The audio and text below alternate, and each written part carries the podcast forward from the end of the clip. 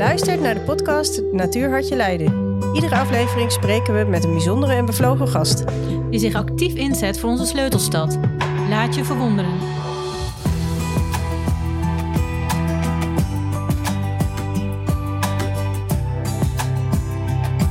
Vandaag hebben we een wel heel bijzondere gast en bespreken we een heel bijzonder onderwerp. We gaan het niet hebben over planten en dieren, maar over reclame. Reclame is een onderdeel van de economie en is bedoeld om gedrag te beïnvloeden. Dat kan onschuldig zijn, zoals de aankondiging van een concert. Maar het kan ook misleidend zijn, zoals manipulatief.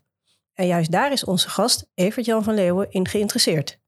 Want waar reclame omslaat in manipulatie, raakt ook de werkelijkheid achter de boodschap verstopt. En die wil hij nou juist weer voor de dag halen. Om mensen bewust te maken van de invloed van reclame en te laten zien dat achter mooie producten vaak lelijkheid schuilgaat. En dan hebben we het over overconsumptie, vernietiging van natuur, slechte arbeidsomstandigheden en afval als het product wordt weggedaan. Evert gebruikt humor en satire om de werkelijkheid te laten zien. En heeft een onderwijsmodule ontwikkeld waarmee hij studenten aan het denken zet. Wij gaan luisteren naar wat hem beweegt en waarom wij daar meer van willen weten. Welkom Evert, wat leuk dat je er bent. Dankjewel, het is een eer om hier te zijn. We hebben heel wat te bespreken. Mm ik stel voor dat we beginnen met reclame als een uh, maatschappelijk fenomeen, misschien een economisch fenomeen. Uh, zou je willen omschrijven wat je onder reclame verstaat? Um, ja, dat is eigenlijk heel eenvoudig. Um, reclame wordt eigenlijk overal ingezet waar een, um, een, winkel of een producent van een bepaald product graag wil dat er zoveel mogelijk exemplaren van dat product verkocht willen hè, moeten worden. En uh, dan wordt er dus uh, tegenwoordig uh, niet alleen maar een mooi plaatje ingezet of een uh, leuke leuze of kijk eens hoe mooi dit is. Maar er zit tegenwoordig een heel professioneel psychologisch en sociologisch apparaat achter, waarbij doelbewust wordt gemanipuleerd om mensen dus verlangens aan te meten die ze in eerste instantie niet zouden hebben. En uh, dat is juist waar ik me zorgen om maak als onderzoeker. En uh, vooral ook als letterkundige en uh, analist van taal ben ik met name geïnteresseerd in hoe juist mensen dus via bepaalde leuzes en ook beeld uh, worden ja, eigenlijk gemanipuleerd om zich dingen aan te meten die ze eigenlijk niet willen en ook slecht voor ze zijn. En niet alleen voor zichzelf, maar ook uiteindelijk slecht voor het milieu. En, okay. want alles wat natuurlijk slecht is voor ons, is slecht voor het milieu en andersom is dat ook zo. Wat slecht is voor het milieu, is slecht voor de mens. Maar laten we even beginnen bij het begin. Want het is nogal veel wat je zegt. Mm -hmm. Het is ook uh, uh, een beetje de negatieve kanten van uh, reclame misschien belicht. Maar zitten er ook goede kanten aan reclame? Um, jazeker. Er zijn genoeg reclames die... Um, in principe gewoon presenteren uh, wat er te koop is of uh, wat er gebeurt. Inderdaad, zoals een concert of een uh, toneelstuk of um, een expositie. En dan kan je natuurlijk als um, ja, um, mogelijke koper of iemand die misschien naar een concert wil zelf beslissen of je gaat. En dat zijn ook niet het soort reclames waar ik mee bezig ben, die ik analyseer, die ik met mijn studenten bespreek.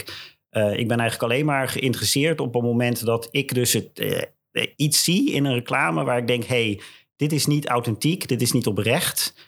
Hier gebeurt iets waarbij iemand uh, wordt gemanipuleerd. Ik, uh, ik zie het elke dag nog steeds. Er is een mooi reclamebord uh, vlak bij mijn huis. Dat draait zo rond. Dus je krijgt elke keer andere reclames te zien. En toen was er een van de Quantum en die zei: Maak het mooier. En toen dacht ik al gelijk: Oké, dat is interessant. Dus mijn huis is blijkbaar niet mooi genoeg. En ik moet dus naar de Quantum om het mooier te maken. Dus de Quantum suggereert dus ook dat alles wat de Quantum in huis heeft mooier is dan wat ik in huis heb. Um, ja, dat is natuurlijk uh, ja, één, eh, twee woordjes of drie woordjes. Maak het mooier. En daar zit een, een hele gedachte achter die dus manipulatief werkt. En mensen dus eigenlijk ja, impliciet suggereert dat hun huis niet mooi genoeg is. En dat het blijkbaar mooier moet. En uh, ja, dat soort momenten kom ik eigenlijk overal waar ik ga en sta. En, en, ik kom het zoveel tegen dat ik op een gegeven moment ja, dat ben gaan onderzoeken van waarom gebeurt dat nou precies. En, maar je zegt nu van ik kom het vaak tegen. Ja. En ik denk dan bij zo'n zinnetje een hele idee daarachter. Mijn huis is niet mooi genoeg, ik moet naar de kwantum. daar ben je van bewust van deze gedachten. Mm -hmm. um, denk je dat veel mensen zich daar bewust van zijn? Um, in het, het, grappige is als ik met studenten werk met dit soort thematiek, is dat uh, als je het één keer uitlegt en ze één keer laat zien hoe ze dat kunnen analyseren, dat ze zich opeens heel bewust worden dat het overal gebeurt. Uh, maar dat ze ook vaak zeggen: hey, zo had ik er nooit over nagedacht. Dus het is iets, denk ik, wat gewoon in het dagelijks leven, als je naar de winkel gaat of in de winkelstraat loopt of uh, op het station bent, overal waar er veel reclame op je afkomt, um, dan heb je niet altijd die kritische knop aan. Dus, maar ik kan me ook voorstellen dat mensen denken: um, ik vind het eigenlijk wel fijn dat de kwantum uh, met mij meedenkt over mijn huis en het uh, beter maken van mijn huis. En um, de wereld mooier maken. En uh, wat is daar eigenlijk verkeerd aan? Want iedereen wil toch het beste in het leven. En als zo'n reclame zegt: je kunt het mooier maken en wij helpen je erbij. Nou, perfect. Uh, dat klopt. En uh, dat heeft natuurlijk veel te maken met uh, hoe je definieert wat het beste is in het leven. En um, daar zijn uh, ook ja, veel psychologen hebben daar onderzoek naar gedaan. Um, en um, verschillende psychologen die maken een belangrijk onderscheid tussen welvaart en welzijn. En als mensen dus na, uh, ja, in, door reclame wordt vaak gesuggereerd, hoe meer je hebt, hoe meer je koopt, hoe meer je kan kopen, uh, hoe vaker je dus naar de winkelstraat kan gaan om weer nieuwe spulletjes voor in je huis te, te kopen, dat dat dus je leven beter maakt, intrinsiek, dat je daar beter van wordt. Um, want dat suggereert natuurlijk dat je geld op de bank hebt. en dat kan ook besteden. En als je geld besteedt, is dat goed voor de economie. Dat hoor je natuurlijk vooral op het nieuws. Hè. Als het bruto nationaal product omhoog gaat, zeggen ze op het nieuws: het gaat goed met Nederland. Uh, maar als je dan kijkt waar wordt dat geld allemaal aan besteed, kan het veel besteed worden aan dingen die uiteindelijk misschien wel goed zijn voor de economie als een systeem, maar misschien wel heel slecht zijn, uh, niet alleen maar voor het milieu in het algemeen, maar zelfs ook voor de mensen zelf die die spullen kopen. Ja. Um, en ik denk dat uh, het heel belangrijk is voor um, ja, mensen in het algemeen, maar vooral jongeren, daar ben ik ook veel mee bezig, dat ze moeten leren die, um, het onderscheid te maken tussen heb ik iets nodig of wil ik iets? En als ze dan zeggen, nou ik wil dat, dat ze voordat ze het gaan kopen eerst zich af gaan vragen waarom wil ik dat? Wil ik dat omdat het me zo mooi wordt gepresenteerd op een blaadje en het zo makkelijk is? Of wil ik dat omdat het mijn leven verrijkt? Maar dat betekent dat in jouw werk en in jouw visie op reclame eigenlijk ook een verborgen boodschap zit. Namelijk, misschien moeten we minder consumeren. Dat is eigenlijk jouw achterliggende gedachte dan. Uh, dat is zeker mijn achterliggende gedachte. Um, er is een uh, interessante socioloog, die heet John de Graaf. Dat is een Amerikaan, maar heeft een Nederlandse achternaam. Uh, heeft een hele mooie documentaire gemaakt, ehm, eind jaren 90, begin 2000, met een boek erbij ook. En dat heet Affluenza. En affluenza is nu echt een term die wordt ingezet ook. Je kan daaraan lijden. Het is een soort ziekte die je kan hebben. En uh, wordt op verschillende manieren gedefinieerd. Uh, dat mensen dus zo in die cyclus terechtkomen van um, consumeren betekent een beter leven leiden. Dus hoe meer ik koop, hoe meer uh, ik waard ben, letterlijk gezien. Hoe meer spullen ik in mijn huis heb. Maar dat ze dus daar niet meer uitkomen. En dat ze dus dat eindeloos moeten doorvoeren. Uh, je ziet dat mensen daardoor ook soms uh, ja, duizenden hè, euro's of, dollars in de schulden komen te zitten. Um, hè, van creditcard naar creditcard naar creditcard gaan. En ja, dan leid je eigenlijk aan die ziekte affluenza. Um, en nou ja, dat is dan, dan, dan is het dus eigenlijk de, de, de winkeldrang is pathologisch geworden. En, en ja, dat is dus nu iets waar je dus in onze maatschappij letterlijk aan kan leiden. Dat kan je dus, uh, dat kan een soort label wat op mensen geplakt kan worden. En waar komt dat label vandaan, affluenza? Uh, dat komt dus vanuit de sociologie. Die uh, hebben dus veel onderzoek gedaan naar ehm, eigenlijk het, het, voor, het komt vanuit Amerika. Maar ik denk wat in Amerika gebeurt is voor een groot deel ook ja, geldt ook voor Europa en voor Nederland. Het is, Amerikanen zijn niet zo verschillend als de Nederlanders. En um, het is vooral uh, onderzoek wat gedaan werd naar het verschil tussen dus het koopgedrag van mensen en hun daadwerkelijke welzijn. Um, en daar komt dus ook een stukje psychologie bij kijken. Ja. Dat uh, veel mensen die dus ontzettend veel spullen hebben, een groot huis, meerdere auto's, uh, alles wat ze maar kunnen verzinnen, uh, misschien wel in drievoudigheid hebben, tegelijkertijd ook vaak heel depressief zijn, heel veel ja, anxieties hebben. En ehm, wat je daar bijvoorbeeld bij ziet kijken, is dat zodra mensen zoveel hebben, uh, worden ze ook angstig dat het uh, misschien uh, van hun afgenomen wordt. Dus dan krijg je dat je je huis een heel alarmsysteem gaat zetten, dat je op je ramen extra soort van dingen gaat, gaat neerzetten, zodat mensen niet naar binnen kunnen. Dus op een gegeven moment dat je veel hebt, kan er dus ook veel gepakt worden. En ja, dat is dus voor je geestestoestand eigenlijk helemaal niet goed. Nee, dit is een heel Ja, ik denk toch een belangrijk inzicht in de menselijke uh, psyche en ook in de gevolgen van uh, reclame en uh, overconsumptie voor de mens. nou zitten wij hier bij Natuurhartje Leiden, dus wij hebben ja. het graag over plantjes en diertjes. En ik vroeg me af, heeft het ook gevolgen voor andere gevolgen voor de rest van de wereld? Voor de planeet, zeg maar.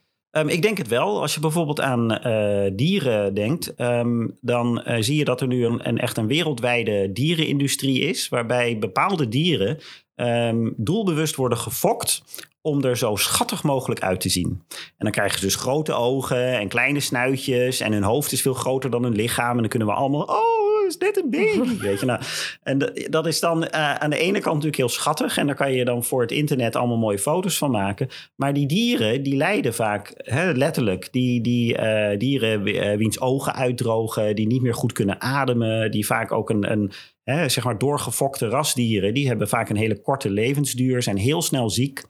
Um, en uh, ja, dus om, om eigenlijk van dieren producten te maken en ze aantrekkelijk te maken voor mensen, zodat ze zoveel mogelijk van dat soort dieren gaan kopen en vertroetelen, uh, worden die dieren zelf eigenlijk gemarteld. Zo zou je dat gewoon kunnen noemen. Hè? Dit soort fokken is gewoon een, een dier levenslang lijden aanbrengen. En, uh, en dat hoe, is natuurlijk eigenlijk heel jammer. Hoe, hoe wordt er hiervoor, uh, want we hebben het ook een beetje over reclame. Dus hoe wordt er voor dit soort dieren reclame gemaakt? Want ik begrijp wel, als mensen dingen willen hebben, dat ze dan misschien daarin doorschieten en iets willen hebben wat ze eigenlijk niet zouden moeten willen hebben.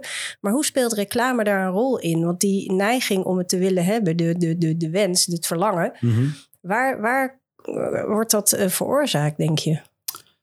Oeh, um, ik denk uh, dat het onder andere veroorzaakt wordt gedeeltelijk door um, ja, het, het soort economische systeem wat wij nu hebben. Um, iemand die een, een, dierenfokker is bijvoorbeeld, of een, een kennel heeft, die is natuurlijk afhankelijk van een continue toestroom en weer afstroom van ja, dieren als product. En um, wat je vaak ziet, dat zie je natuurlijk ook veel op het nieuws, um, is het idee van economische welvaart, is dat uh, de economie moet groeien. Dus als je ook als bedrijf niet groeit, als zodra je stilstaat, ga je eigenlijk achteruit, want de rest groeit. En daar zie je dus dat reclame een hele belangrijke rol speelt. Want juist um, door reclamecampagnes te voeren, door uh, beesten natuurlijk extra aantrekkelijk neer te zetten, uh, door ze ook te associëren met allemaal andere producten die je dan natuurlijk erbij kan verkopen. En te zeggen, nou, als je zo'n beestje hebt, dan moet je ook dit soort voedsel, dan moet je ook zo'n hokje. Uh, er is tegenwoordig een wereldwijde hondenkledingindustrie. En er zijn zelfs honden catwalk shows, waar mensen dus hun hondenkleding aan kunnen doen. En dan zie je eigenlijk hoe ja, de, de, de menselijke cultuur wordt geprojecteerd op de beesten zelf omdat dat weer een manier is om ja, nog meer producten te creëren, nog meer producten te verkopen. Ja. En, um, en ja, re reclame speelt daar gewoon een belangrijke motorrol in. Ja, maar. ik denk dat het vooral de rol van reclame vaak is om dus uh, je omzet te vergroten. Dus de reclame wordt ingezet op een moment dat je als een, een, een ja, eigenaar van een bedrijf denkt: ik groei niet meer. Uh, mijn omzet moet omhoog. Dan ga je dus nadenken: hoe kan ik mijn producten aantrekkelijker neerzetten. En op een gegeven moment natuurlijk is een product gewoon wat het is. En um, als je dus meer wil gaan verkopen, kan je niet gewoon zeggen: Nou, dit is wat ik maak. Vind je het leuk? Kom het halen. Dan moet je dus andere manieren gaan verzinnen om het eigenlijk er mooier uit te laten zien en belangrijker uit te laten zien dan het eigenlijk is. Want dat is eigenlijk de enige manier om te groeien. En daar komen we inderdaad op een belangrijk punt waar uh, reclame in de zin van ik heb iets te kopen, misschien wil je het hebben, het is maar dat je het weet, omslaat in uh, koop dit, koop dit, want dit heb je nodig. En dat wist je alleen nog niet, maar ik vertel het je nu dat je. Dus waar zit dat omslagpunt? Het is natuurlijk een moeilijk omslagpunt, het zal per sector ook verschillen. Ja. Maar uh, heb je daar een soort uh, checkboxje van? Of zijn er bepaalde ehm, uh, aspecten waar je op kunt letten om te kijken van hé, hey, dit is wel een hele rare boodschap? Of ja. is dat een persoonlijke suggestie? Of, uh... Het is aan de ene kant natuurlijk persoonlijk. Uh, aan ja. de andere kant heeft een Amerikaanse taalkundige, William Lutz heet hij, die heeft daar een mooi boek over geschreven. Dat heet Doublespeak. En de dubbelspraak in het Nederlands is natuurlijk afgeleid van 1984 van George Orwell. Dat ja. gaat natuurlijk vooral over taalmisbruik. Maar hij heeft een hele reeks uh, wezelwoorden op een, op een rij gezet. En wezelwoorden zijn dus het soort woorden die mensen eigenlijk uh, om de tuin leiden. Of vooral ook uh, dingen suggereren die er eigenlijk helemaal niet zijn. Dit roept om voorbeelden. Ja, dus een, een, een, een, het heet wezelwoorden omdat wezels eieren natuurlijk leeg kunnen zuigen. Alleen dan ziet het ei er nog steeds uit alsof het helemaal heel is. Dat is okay. truc. Dus een wezelwoord is een woord waarvan je denkt van wow, dat ziet er goed uit, dat wil ik hebben. Maar er zit dus geen enkele betekenis achter. Dus okay. denk bijvoorbeeld uh, één categorie wezelwoorden die je vaak tegenkomt in, uh, in de supermarkt, is dat dingen uh, beter zijn, lekkerder zijn, mooier zijn, groter zijn. Maar in al die vergelijkingen zit nooit wat waar het mee vergeleken wordt, zit er niet bij. Dus dan denk je, oh, dit is groter. Ja, groter dan wat? Ja, groter dan iets wat veel kleiner is. Of het is lekkerder dan iets wat heel erg smerig is. Ja. He, dus het is eigenlijk iets wat. Het, het, het, zegt niks. Alleen dat soort woorden suggereren al van. Oeh, die moet ik hebben. Um, en er zijn er nog veel meer. Uh, je hebt bijvoorbeeld uh, dingen als verbeterd. Uh, volgens de wetgeving in Amerika, dit is een boek over Amerikaanse taal, um, is iets verbeterd zodra je er gewoon iets aan hebt veranderd. Oké, okay. dus, of het nou slechter, beter of anders is. Ja, want of iets beter is, dat hangt af van degene die het eet of gebruikt en wat hij daarvoor gebruikte. En dus omdat dat in compleet subjectief is, kan iemand nooit aangeklaagd worden dat een product niet is verbeterd. Nee. Um, en dus je kan overal gewoon verbeterd opzetten. Zodra je bijvoorbeeld uh, van 10 gram suiker naar uh, 2 gram suiker gaat, maar ook van 10 gram suiker naar 30 gram suiker. Dan is het ook verbeterd. Want dan is het zoeter. En als iemand van zoete dingen houdt, ja. is het dus beter dan Ja. wat het eerst was. Dus totaal inhoudsloos woord. Ehm, nieuw bijvoorbeeld is ook zo'n woord. Als iets nieuw is. ehm, je kan bijvoorbeeld iets eh, wat al nou ja, 20 jaar in de handel is, kan je op een gegeven moment gewoon eh, één heel klein aspectje van veranderen. En dat kan dus ook verslechterd zijn. Dus je kan bijvoorbeeld goedkopere materialen gaan gebruiken. En dan is het nieuw. Ja. En dan denkt iemand, oh, dat is een nieuwe, die moet ik hebben. Maar dat is eigenlijk een slechtere versie van degene die je eerst had. Ja. En ehm, nou ja, zo zijn er nog een heleboel andere van dat soort woorden. Die allemaal suggereren dat, dat jij dat dus moet kopen. Omdat het op een of andere manier ja, beter, nieuwer, belangrijker is. Maar eh, en in, in veel van dit soort gevallen is het intrinsiek eigenlijk vaak een minder product. Ja. Ja. Ja, dus het is, en het zijn vrij normale woorden. hè. Nieuw, verbeterd, we zijn het allemaal gewend. Het staat inderdaad helemaal vol in de supermarkt. Er, Ja. er zijn waarschijnlijk ook nog veel eh sluwere en eh geniepigere woorden die eh, misschien Ja, jou tot kopen aanzet. Ehm, is, ehm, wat, wat, wat is precies verkeerd aan overconsumptie? In de zin van, eh, we hebben nu een paar gevolgen van, eh, van reclame. En dat je dan dus Mhm. eigenlijk eh, ja, een soort leegte probeert te vullen die misschien niet te vullen is. Door dingen te kopen. ja. Het impliceert dat je gelukkiger wordt op een bepaalde manier. Dat is allemaal best wel misleidend, maar Mhm. op zich niet zo erg. Maar dit, er zit ook nog een afvalprobleem, denk ik, achter. van als je te veel, ehm, te veel koopt. Eh, en steeds nieuw koopt, dan, Ja. wat doe je met je oude producten? Dat is natuurlijk een, eh, een gevolg wat eh, ja, voor de natuur en voor de planeet natuurlijk eh, desastreuze gevolgen heeft. Dus wil je Dat- daar wat over vertellen? Ja, dat klopt. Ehm, eigenlijk al sinds ehm, de jaren 50 eh, bestaat er zoiets wat in het Engels heet dat eh inbuilt obsolescence. Maar dat betekent eigenlijk gewoon dat bedrijven doelbewust dingen maken om zo snel mogelijk stuk te gaan. Eh, dat is ooit in Amerika begonnen eh, in ehm, overleg met de overheid. Omdat in Amerika de auto-industrie van groot belang is voor de werkgelegenheid ehm, en voor de, de, de landelijke economie daar. En ehm, ja, op een gegeven moment heeft iedereen een auto. En zeker in de jaren 50, die er werden zo goed gebouwd, kon je je hele leven mee doen. Alleen ja, als de auto-industrie dus iedereen een auto heeft verkocht, dan heeft niemand meer een auto nodig en klapt die hele industrie in. Dus toen hebben ze afspraken gemaakt om eh, tot maar een aantal jaren eh, vervangingsonderdelen te bouwen. Dat op een gegeven moment dus, als je auto stuk ging, ja, kon die niet meer gemaakt en moest je wel een nieuwe gaan kopen. En eh, dat is over de jaren heen eigenlijk in, in ja, zeker de, de, de, alles wat maar met techniek te maken heeft, is dat heel doelbewust erin gezet. Ehm, je kent het nu misschien wel van iPhones die bijvoorbeeld niet open kunnen en je kan batterijen niet vervangen en dat soort dingen. Ehm, en dat is ja echt hè, eh, gedesigned om kapot te gaan, zodat je weer een nieuwe moet kopen. Ehm, en daarmee eh, ja, maak je het eigenlijk voor de consument verplicht om elke keer een nieuwe te halen. En de consument heeft dus niet meer een keus om te zeggen: weet je, ik wil graag doorrijden met mijn auto tot die helemaal op is. Of ik gebruik mijn telefoon wel tot die helemaal op is. Um, in de, de, de big tech-industrie tegenwoordig zie je natuurlijk dat uh, ja, continu alle systemen worden geüpdate. Dus ja, je ben, zodra je hem hebt gekocht, is die eigenlijk al verouderd. Ja, ja. Gelukkig is er wel een beetje een beweging tegenwoordig om dingen te repareren, maar ja. dat is misschien nog te klein. Ik wilde eigenlijk, uh, want we hebben nu uh, eigenlijk drie ernstige gevolgen uh, van overconsumptie aangejaagd door reclame besproken. Hè? Dus nou ja, de, de, de leegte eigenlijk, de psychologische gevolgen van mensen die er ook niet gelukkig van worden, sterker misschien wel ongelukkiger van worden. De gevolgen voor dieren die, die, die ingezet worden, misbruikt worden, eventueel zelfs doorgefokt worden. En ook voor de planeet in de afval. Um, ik wilde eigenlijk gaan kijken naar um, ja, wat kunnen we daaraan doen. Um, ik zei in de introductie dat jij satire en, en, humor probeert in te zetten om mensen in ieder geval bewust te maken van het systeem, de gedachten die achter bepaalde slogans en reclameuitingen zit, die je misschien niet direct op zou merken. En um, um, de hele dag door, ik, ik, ik, merk het zelf, ik vind het heel vervelend als je uh, in de auto zit, als je tv kijkt, als je door de straat loopt. Overal is reclame. Dus we, mm -hmm. moeten, uh, we moeten een soort van verweer zien te krijgen, personen, persoonlijk, maar misschien ook wel qua wetgeving of zo.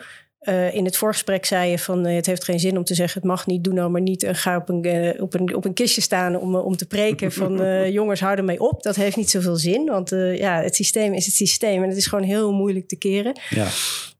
Um, wat is jouw oplossing? Wat, nou, sorry dat ik je voor het blok zet, misschien is er wel geen oplossing, maar wat, wat zou jij voorstellen om daartegen te doen? Ja. Ik denk, er is natuurlijk niet een, een, een heel snelle hè, soort van complete oplossing hiervoor. Want um, stel dat iedereen gewoon uh, opeens wakker zou worden en immuun zou worden voor reclame, dan stort de hele wereldeconomie in. Want daar is het nu op dit moment natuurlijk, uh, draait de hele wereld op massaproductie en consumptie. Dus dat zou ook niet kunnen. Dat moet langzaam gebeuren. Um, ik heb uh, met mijn studenten zijn er oefeningen die ik doe, die ik um, um, ja, waar ze vaak dus veel plezier aan beleven. En dat heeft uh, vooral te maken met dat ze leren de absurditeit van reclames in te zien. En ik laat ze dus een product uitkiezen waar ze echt zelf compleet van walgen. Om dan een reclame daarover uit te zoeken. Dat kan zowel uh, televisiereclame zijn of internet of gewoon een poster. En om dan eigenlijk uh, een parodie te maken van die poster. Hè, of een soort satirische zeg maar, vertaling daarvan. En daar hebben ze de grootste lol in. Want als je iets niet leuk vindt, is het heel leuk om het belachelijk te maken. Ja. Uh, maar juist op het moment dat je moet nagaan van... oké, okay, maar wat is satire? En wat is een parodie? En uh, hoe maak je dat? Dan moet je dus heel goed gaan nadenken eigenlijk over alle technieken die worden ingezet. Zowel qua beeldmateriaal als taal. Hoe de manipulatie eigenlijk wordt gecreëerd. Dus je leert eigenlijk technieken om reclames te vertalen naar wat er echt staat. Ja. En tegelijkertijd heb je grote lol en de studenten laten de posters aan elkaar zien en ze bespreken ze met elkaar en ze lachen er ook om. Maar... Zou je een voorbeeld kunnen noemen van een product waar een student van wacht? Want dat vind ik eigenlijk wel grappig. Want ik vraag me eigenlijk af of mensen zich dat wel realiseren. Nou, ik, ik zou bijvoorbeeld... zelf niet zo snel iets kunnen bedenken eigenlijk. Uh, een student van mij had een hele mooie poster gemaakt. Uh, dat ging over van die hele dure Nike-gimpen van 300 euro. Um, en uh, de slogan natuurlijk is: They're here for a reason. Ze zijn hier voor een, een doel. Um, en ja, de, natuurlijk de suggestie is: ze zijn er voor jou om te kopen. Daarom zijn ze er. Jij moet ze kopen. En die student had er dus van gemaakt: They're here for a season. Ja, ze zijn hier ja, voor een seizoen. Ja, en uh, dus dat was een hele slimme woordspeling. Maar iedereen die die poster zag, begreep hem gelijk, begon te lachen, vond het heel interessant. Um, en uh, op dat moment word je dus ook gelijk bewust van wat de originele leuze met je doet. Um, en uh, ja, dan had een, een andere student had, een, een iPhone gepakt. En dat was een reclame waarin je een iPhone zag met een hoop fruit erachter. En de, de leuze was: It is tough out there. En ik, wij vonden hem zelf al heel gek van hè, een iPhone met een hoop fruit. En dan, ja, it's tough, weet je, het is moeilijk. Begreep hem eigenlijk niet. Het was een hele absurde reclame. En zij had er gewoon van gemaakt, it's tougher out there. Dus het is nog moeilijker daarbuiten.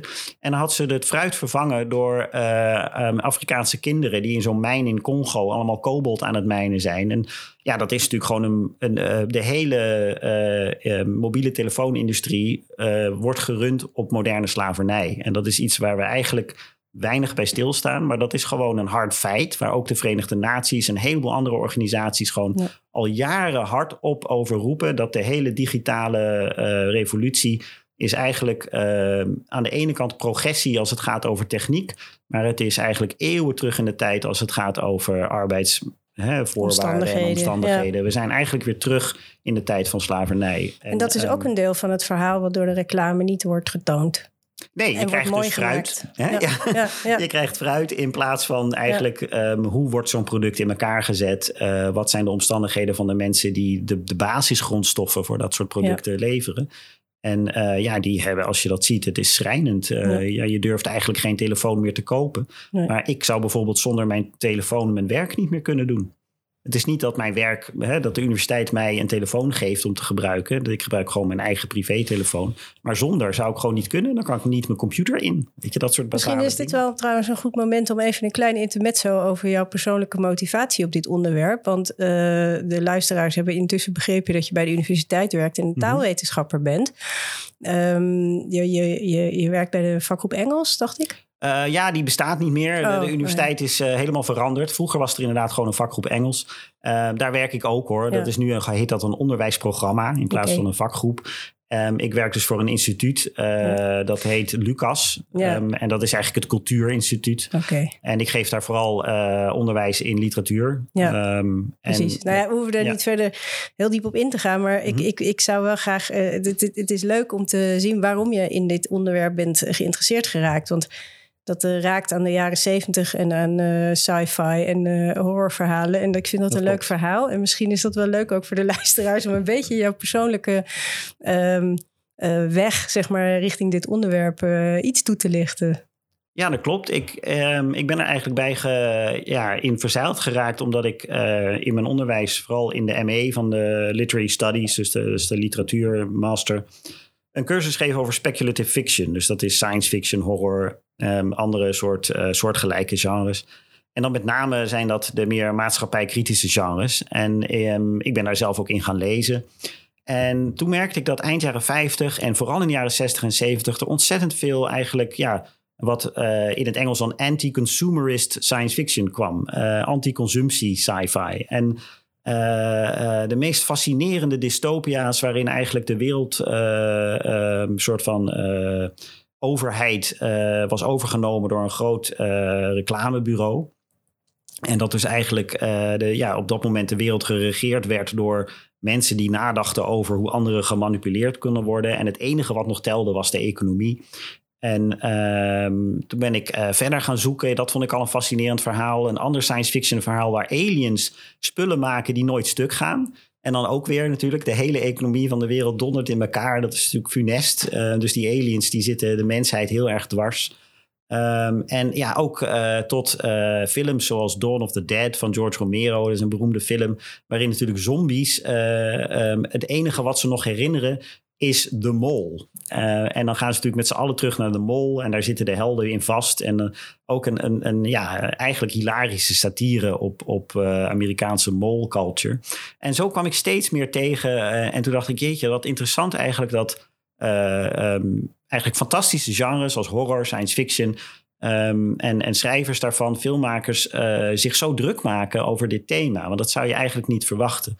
Uh, dus daar ben ik steeds meer van gaan verzamelen. En uh, ik merk ook gewoon, de studenten vinden het vaak heel interessant om te zien hoe juist dat soort genres zo direct bezig zijn met hele uh, soort van dagelijkse problematiek. Um, en dus dat ben ik blijven doen. En daar is eigenlijk dit hele ja. um, reclameconcept ook uit ontwikkeld. Maar het, het, geeft eigenlijk twee dingen aan. Namelijk dat uh, cultuur en uh, verhalen, narratieven, zeg maar, belangrijk zijn in, in, in overtuigingen en in ook uh, het verhaal vertellen. maar ook dat er in die tijd dus best wel een toekomstbeeld bestond, onder sommige mensen in ieder geval, van nou ja, als wij echt doorgaan met deze overconsumptie, dan komen we echt in een hele rare wereld terecht. Er zit toch wel een bepaalde ja. ondertoon onder, die jij denk ik hebt opgepikt. Um, en die, die ik vermoed. Dat, uh, dat ja, als het, als, het, als het te ver doorschiet, dan uh, krijg je rare toestanden. En uh, dat hebben ze geprobeerd uit te beelden. En ja, nu zijn we 40, 50, 60 jaar verder. En ja, we moeten eigenlijk zelf maar concluderen wat we vinden dat er is uitgekomen eigenlijk. Hè? Inderdaad. En mijn, het angstaanjagende vinden mijn studenten vaak dat die oude boeken uit de jaren 50 en 60, ze lezen ze nu. Het waren toen toekomstbeelden. En dan zeggen ze, dat is gewoon de wereld van nu. Ja. Daar leef ik in. Ja. En dus die, die hele ouderwetse toekomstbeelden zijn voor, zo herkenbaar geworden voor ja. ons. Uh, natuurlijk niet letterlijk, maar in, gewoon in de, de, de, zeg maar de kernprincipes uh, zie je toch dat, dat uh, soms van die schrijvers met hun verbeelding letterlijk de toekomst hebben gezien. Ja, Um, ik uh, zie dat we eigenlijk best wel al heel lang hebben gepraat en dat de tijd uh, best wel vordert. Ik wil nog even de site Adbusters noemen. Dat is een, uh, een site die jij gebruikt ook met studenten, waar allerlei voorbeelden staan van reclameposters die nou ja, net niet helemaal meer zijn wat ze waren, zeg maar. Ja, dus dat was echt een inspiratiebron voor mij. heel grappig, ja. Ja, dat, dat is leuk om, om, om voorbeelden te kunnen zien. Ja. Um, ik wilde eigenlijk nog twee vragen stellen. En dat is uh, in de eerste plaats: um, je hebt een, een, een onderwijsmodule ontwikkeld. Um, wil je daar nog specifiek iets over zeggen? Over wat nou precies werkt bij die, uh, in, in dat onderwijs? Dus je hebt al aangetoond van, nou ja, als je, als je nadenkt over de boodschap en je manipuleert die boodschap tot iets anders, dan kan dat heel goed werken. Ja. Uh, is er nog iets anders wat studenten hier leren? Gaan ze bijvoorbeeld minder consumeren? Of, uh... Um, uh, dat heb ik zelf nog nooit getest. Ik heb nooit, nooit soort interviews vooraf en achteraf gedaan om te kijken of hun gedrag daadwerkelijk verandert. Um, maar het is wel mijn doel op dit moment. Het is ooit begonnen uh, met het Laakhal Museum en uh, hun tentoonstelling yeah. If Things Grow Wrong. Yeah. dat was een fantastische ervaring. Heb ik ook samen met mijn studenten gedaan. Die waren er ook bij betrokken. Um, en wat ik wel merk is dat uh, bijvoorbeeld studenten als ze zo'n oefening hebben gedaan, uh, zich dan uiteindelijk verder ontwikkelen en er een scriptie over gaan schrijven. Dus je ziet wel dat ze het ze dan aangrijpt en er dus langer en meer over gaan denken, onderzoek naar gaan doen. Um, en dan ja, wat ze dan uiteindelijk inderdaad in hun dagelijks gedrag uh, hoe ze dat aanpassen, um, dat weet ik niet. Van mezelf weet ik wel dat ik nu zo hyperbewust ben dat ik over alles wat ik pak twee keer nadenk. Dat is dan oh. misschien.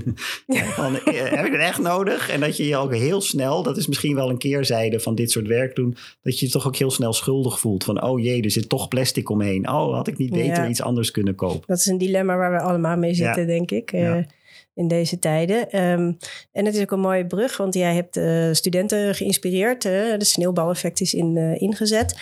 Um, ik, ik vroeg me af, je, je, je, bent zelf geïnspireerd dus door die, door die genres in de jaren 60, 70, wat je net zei. Is er ook mhm. nog iemand in het bijzonder waar je denkt van nou, daar, die, daar heb ik ook veel van geleerd? Of een schrijver misschien, of een specifiek boek wat je zegt, nou, daar, dat is echt mijn inspiratie geweest om dit te gaan doen wat ik nu doe met de studenten.